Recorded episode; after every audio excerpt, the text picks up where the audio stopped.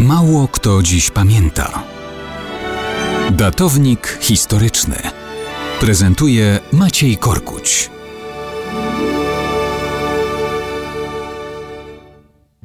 Mało kto dziś pamięta, że 29 kwietnia 1326 roku życie zakończyła bohaterka średniowiecznego skandalu obyczajowego Blanka Burgundzka. Była żoną późniejszego króla Francji Karola IV Pięknego. Jej życiowe decyzje spowodowały, że nie żyła ani długo, ani też nazbyt szczęśliwie.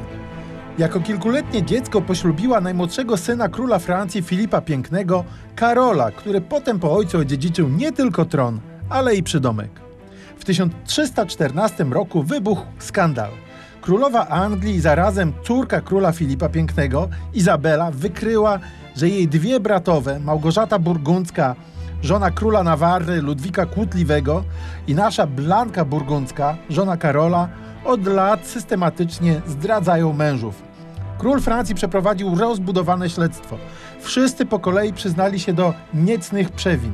Okazało się, że kuzynka obu niewiast, Joanna II Burgundzka, organizowała ich schadzki z kochankami w wieży Nesle koło Louvru. Co tam się działo przez kilka lat owych spotkań, niech zostanie naszą poranną tajemnicą. To był koniec kariery wszystkich uczestników lubieżnych spotkań.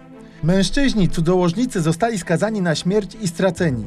Małgorzata i Blanka zostały ogolone, ubrane w pokutne wory i uwięzione w lochach twierdzy Geyard w Normandii. Małgorzata finalnie została uduszona na rozkaz męża. Karol unieważnił małżeństwo z Blanką, ale ona nawet w więzieniu próbowała się jakoś urządzić.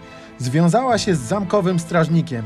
Miała z nim dziecko. Po latach złożyła śluby zakonne już jako skromna zakonnica w klasztorze.